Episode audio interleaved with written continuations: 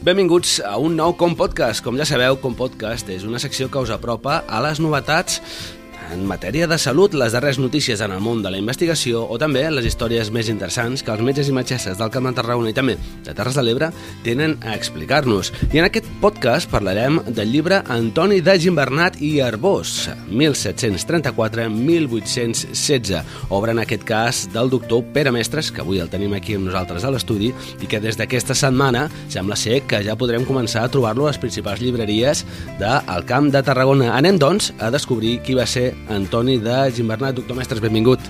Moltes gràcies. Doncs la, la pregunta de rigor és evident, doctor Mestres. Qui va ser uh, aquest personatge que responia el nom d'Antoni de Gimbernat?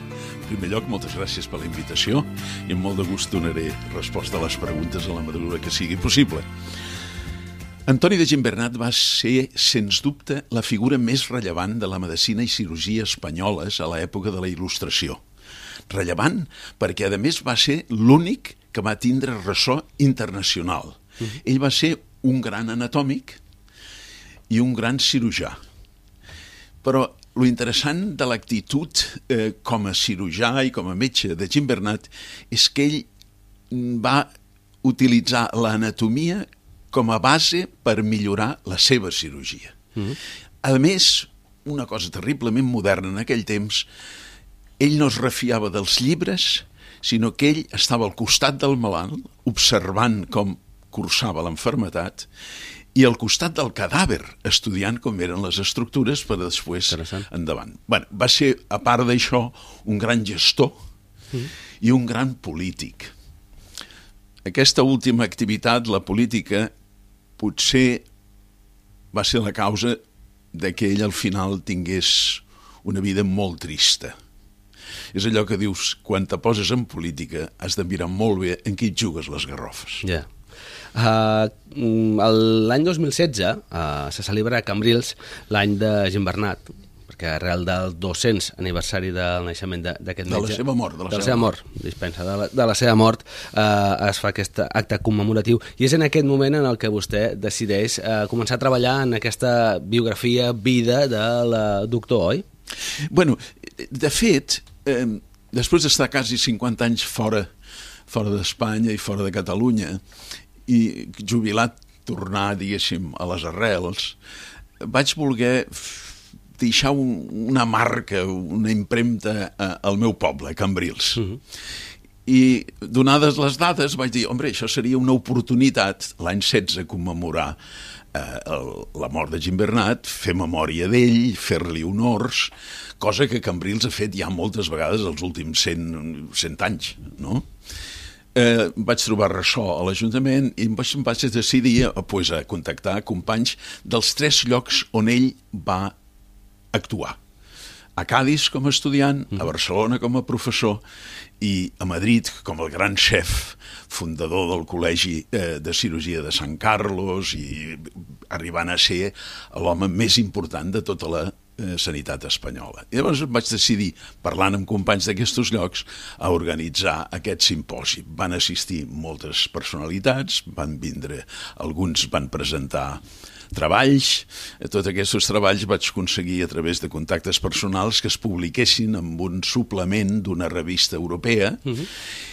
clar, que va ser molta feina perquè pues, tenia que ser tot en anglès, clar, aquestes revistes no, ja no accepten altres idiomes, però va ser una cosa molt, molt, molt lograda, va ser un, un volum que es pot aconseguir eh, lliurement a, a internet, uh mhm. -huh. es pot entrar i es pot veure, i el que van contribuir, pues, molts amics meus de Cambrils perquè la versió impresa, aquestes revistes avui dia ja n'hi ha moltes que no fan més que formats Digital. digitals, la impremta és molt cara, eh? i vaig trobar un mecenatge molt generós entre els meus amics de Cambrils i ho vam aconseguir. Va ser, va ser molt maco. bueno, eh, d'entrada, pues, després del simposi, després de tots els actes que hi va haver, pues em vaig tindre que recuperar i vaig començar a pensar, home, no estaria mal fer una biografia perquè vaig veure que la última biografia que s'havia escrit de Jim Bernat era dels anys 30. Mm. I jo la vaig concebir amb un altre estil. No sé si hi haurà alguna pregunta, que anirem a parlar del llibre, com està estructurat, I aleshores vaig ser com vaig començar a pensar, doncs pues, me decideixo. Mm -hmm. I si anem al principi de tot, quina és la relació del personatge Antoni de Gimbernat i el Bosch amb uh, Cambrils? Quin és el seu vincle? El vincle és que ell va néixer allí. Ell va néixer allí el 15 de febrer de l'any 1734, mm. dins d'una família de pagesos, encara que els Gimbernat, que originalment venien d'algun lloc de Girona, aquestes persones es van establir molt bé a Cambrils i van constituir pues, membres de la societat, diguéssim, del poble mitjana alta. Hi havia diversos notaris, inclús el, un, crec que un germà de Gimbernat, crec recordar, que va arribar a ser, tindre un càrrec important a l'Audiència de Barcelona. O sigui, que el pare de Gimbernat no, el pare de Gimbernat es va quedar fent de pagès i conreant les terres. Uh mhm. -huh. Però els altres tenien, diguéssim, un cert nivell acadèmic. Gimbernat va créixer en aquesta, en aquesta família i va ser un noi que se va, de, va demostrar qualitats singulars, especials. El veia intel·ligent, motivat, i això va fer que un capellà del poble influís sobre la família perquè li facilitessin educació superior. I d'aquí va vindre pues, tot el peripló que ell va anar a estudiar. Primer va anar a Riudoms, després a estudiar, a preparar-se per entrar a la Universitat de Cervera, l'única que hi havia en aquella època a Catalunya. Allí va fer el batxillerat, es va graduar en Filosofia i Humanitats, i després ve un moment que és molt interessant, que és el, la prendre la decisió de no estudiar medicina a Cervera, que ho haguera pogut fer, sinó que se'n va anar a Cádiz. Cádiz. Això, això és, aquest, és un tema de per si molt interessant. Aquesta era la, la, la següent pregunta, perquè saltem de, de Cervera a, a Cádiz, a, a l'altra punta, com aquell ja, ja, qui ja. diu, per estudiar medicina. Per què? Passa el següent. Els estudiants allí a Cervera, ells veien com, com s'ensenyava la, la medicina. I la medicina, en aquell moment, a les universitats espanyoles, totes, des de Salamanca, que era la més important, fins Cervera, per exemple, que era una de les més joves en aquell moment, la medicina s'estudiava utilitzant llibres que eren potser 300 anys vells, eren antics. Tot l'estil era molt antic, s'estudiava molt amb llibres. Eh, no, no, el malalt no, no existia. No era, era, era tot una cosa i això ho sabien els estudiants. I de cop i volta, l'any 1749, el rei, eh, el rei d'Espanya decideix que, com se sap, eren borbons sí. en aquella època, eh, decideix implementar estils i estructures franceses a Espanya. Ell volia millorar els serveis sanitaris de l'exèrcit, de la marina, de la marina sobretot i també és després el poble, però primer va començar per aquí. I llavors és què fa? Crea un col·legi de cirurgia, Real Colegio de Cirugía de l'Armada en Cádiz. Mm. I és un català el que porta tot, aquesta, tot aquest projecte a terme i el fa brillar d'una manera extraordinària. Pere Virgili de, Villalong, de Vilallonga del Camp. Mm -hmm. I la fama d'aquest col·legi, el 49, eh, Gimbernat estudiava als anys 50 a Cervera, en pocs anys tothom, tots els estudiants en sabien d'això que era un col·legi on s'estudiava una medicina moderníssima i, i, bueno, i allò era molt atractiu. I curiosament hi va haver un, un, una tendència d'estudiants catalans a anar-se'n allà a estudiar cirurgia. No. Molts, hi van anar molts. I entre ells hi va anar Gimbernat el fet de que ell se decidís anar allí, a part de la fama del col·legi, que segurament va jugar un paper, eh, en el meu llibre discuteix una sèrie de, de ja, suposicions, suggerències, evidències a mitges, de que segurament hi havia contactes personals entre els Gimbernat uh mhm. -huh. i Virgili. Virgili, també la família d'ell eren pagesos, tots veníem... o no, són, són, són clar, veïns, com aquell clar, diu, no? que diu veïns. I faig un, un anàlisi al meu llibre de quines possibilitats hi havia de que hi haguessin relacions entre les dues famílies o que Gimbernat conegués a Virgili. El cas és, i això és un fet, que Virgili va ser el seu padrí, el va protegir tota la vida fins que Virgili va morir. Mm -hmm.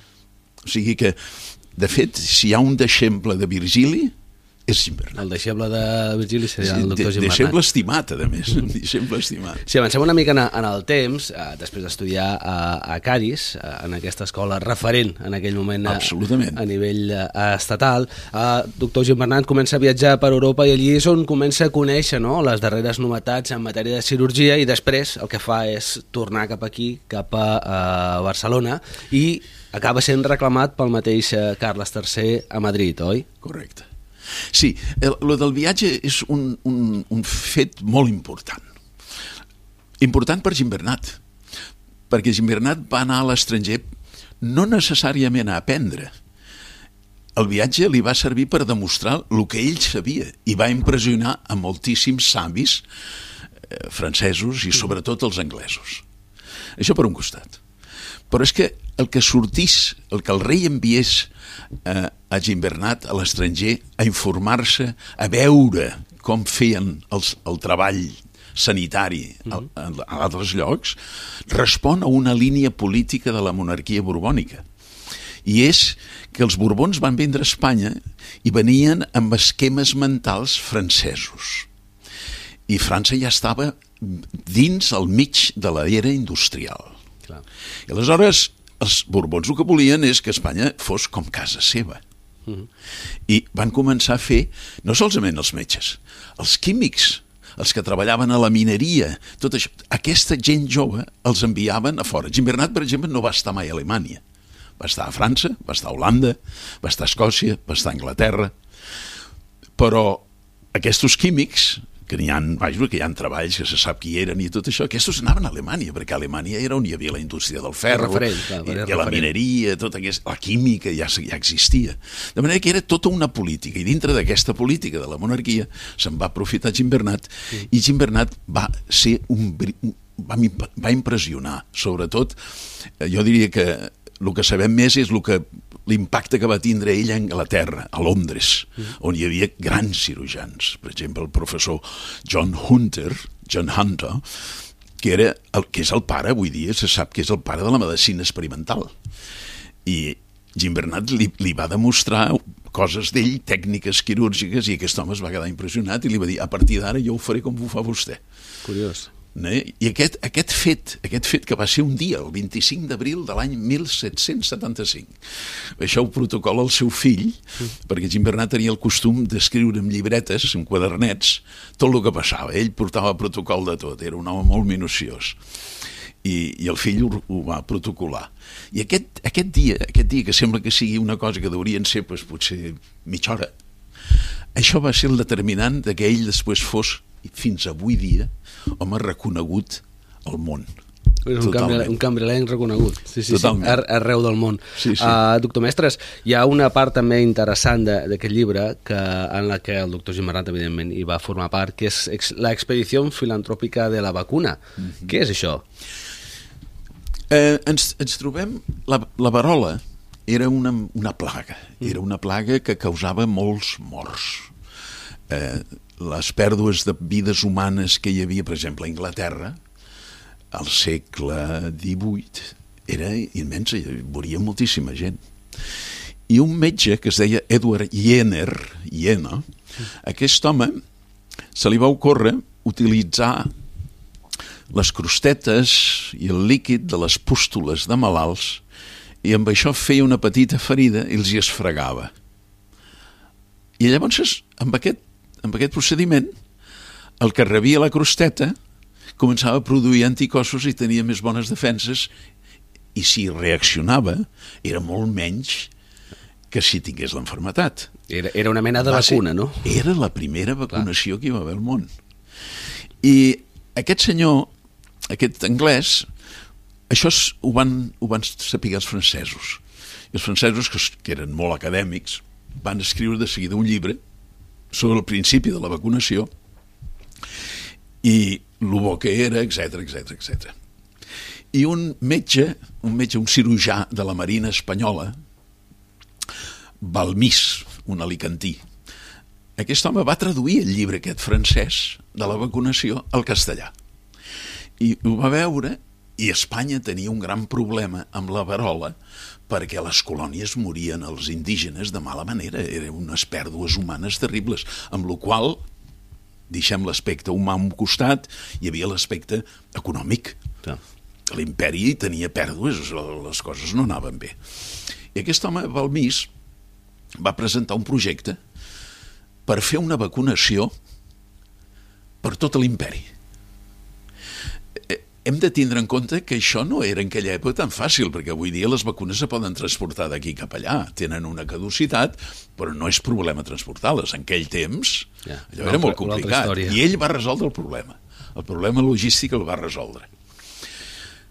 Jim Bernat va intervindre en aquest procés perquè ell era el cap de dalt de tot de la sanitat espanyola. Mm.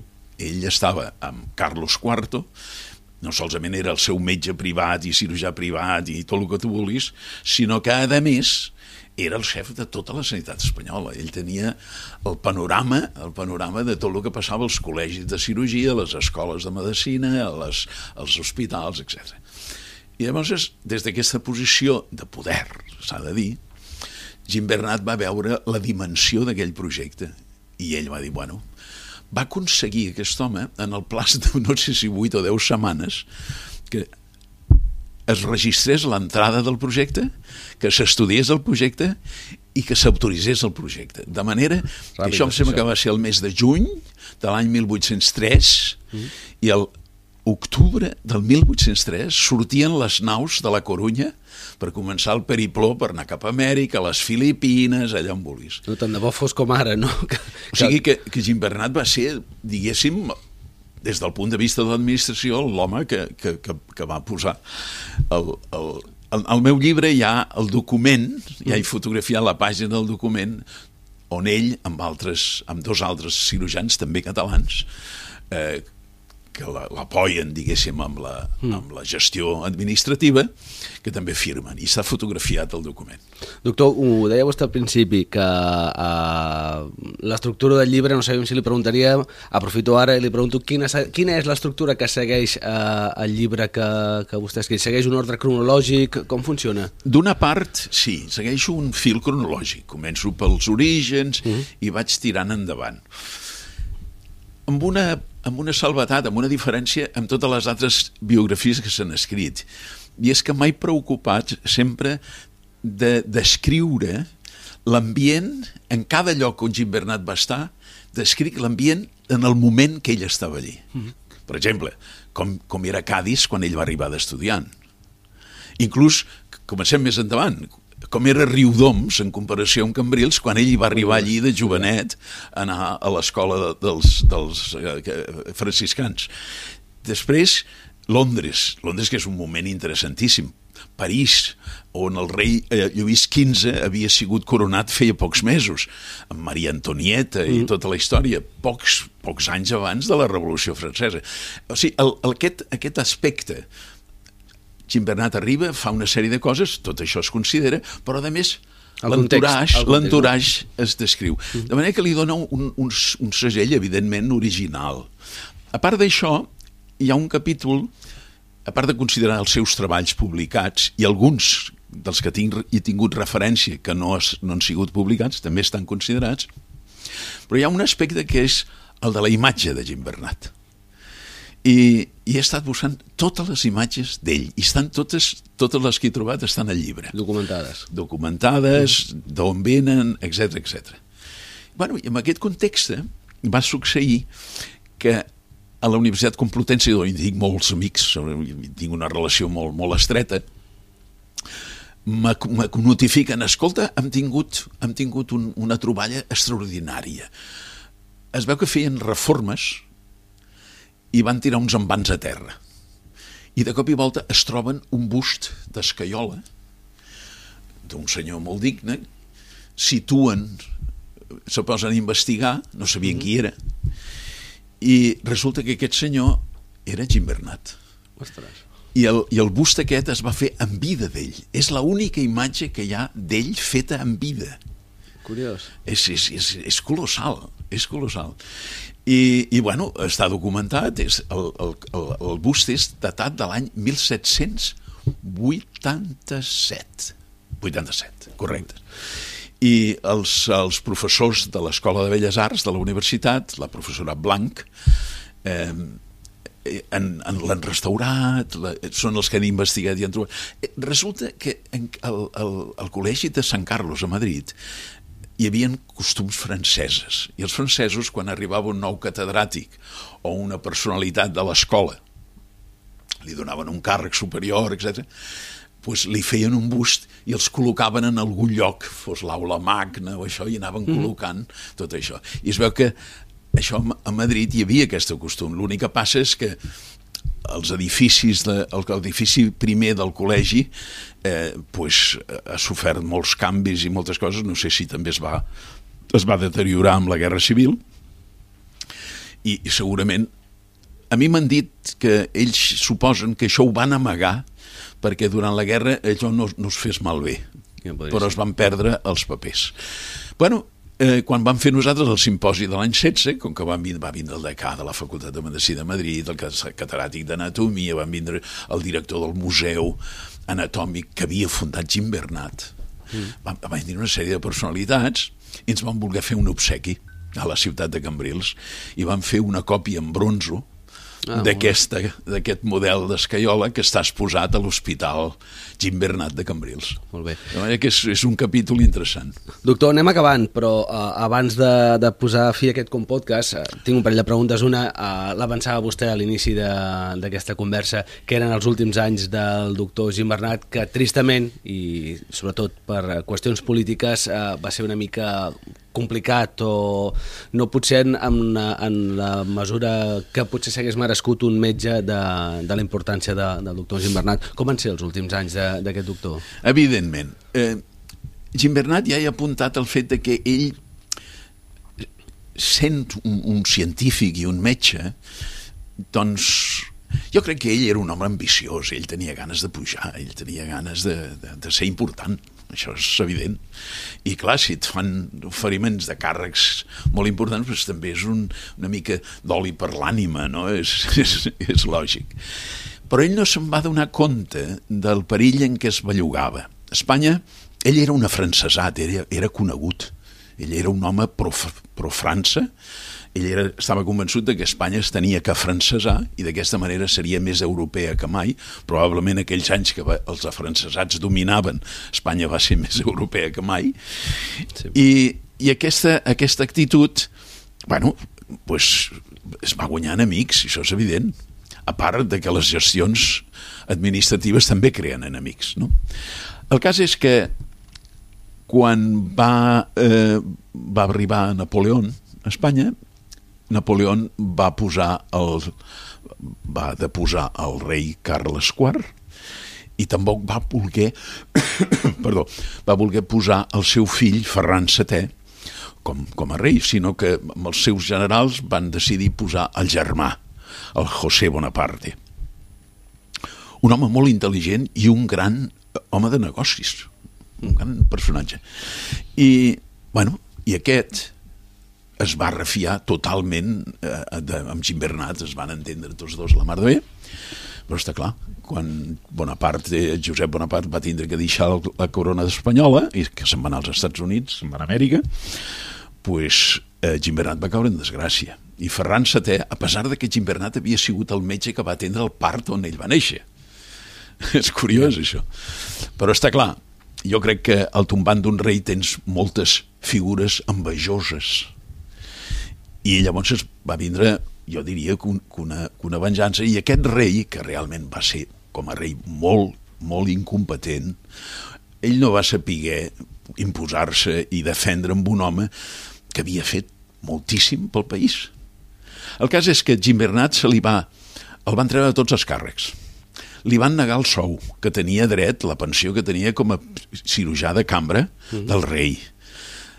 Bueno, un desastre va, per una sèrie de circumstàncies es va quedar sec. El va acollir el seu fill Agustí, un, un home molt... Els dos fills grans van fer unes grans carreres i aquest Agustí de Gimbernat i Grassot vivia a Madrid i va acollir el seu pare. Mm.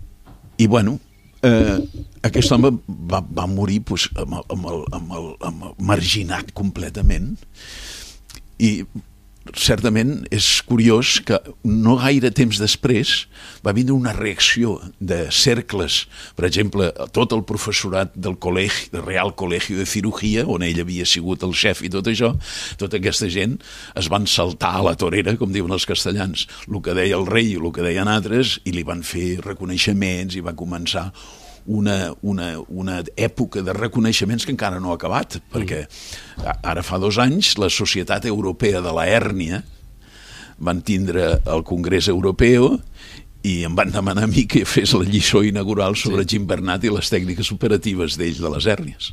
Doctor, anem acabant, però uh, abans li voldria preguntar, uh, el llibre Antoni de Jim Bernat i Arbós de 1734-1816, a on es pot trobar? A on el pot comprar una persona que estigui interessada en conèixer bueno. aquesta interessantíssima història? Vale. L'editorial Arola de Tarragona és la que ha fet el llibre i per una sèrie de circumstàncies hi ha retras amb el treballs d'impressió.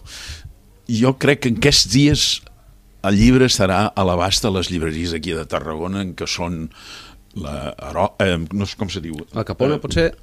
I, i, i et serà, no? Et serà encara existeix? Sí, diria que sí. Sí, sí, sí. sí. sí. La Capona l'han tornat a obrir ara.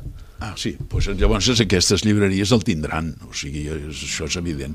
També és, és, és important que en els propers dies, eh, això ja ho podem avançar en exclusiva des del Col·legi de Metges, farem la, la presentació d'aquest llibre i per tant animem a qualsevol persona que tingui eh, interès per conèixer una miqueta més eh, la vida d'aquest metge i també, eh, evidentment, a l'autor, el doctor Mestres, que eh, estiguin ben atents a les xarxes socials, també al web del Col·legi de Metges perquè ho anunciarem i anunciarem una miqueta en què consistirà tot aquest acte eh, de presentació del llibre. Doctor Mestres, moltíssimes gràcies per apropar-nos eh, la història ben interessant d'aquest metge de Cambrils, el doctor Antoni de Gimbernat i Arbós, i eh, esperem tornar-lo a tenir perquè segur que eh, el tornem a tenir aquí als Compodcast amb un altre llibre ben aviat, segur.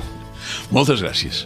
Gràcies i també moltíssimes gràcies a tots els que ens veieu i ens escolteu. Ens eh, sentim i ens veiem en un proper Com Podcast ben interessant. A reveure!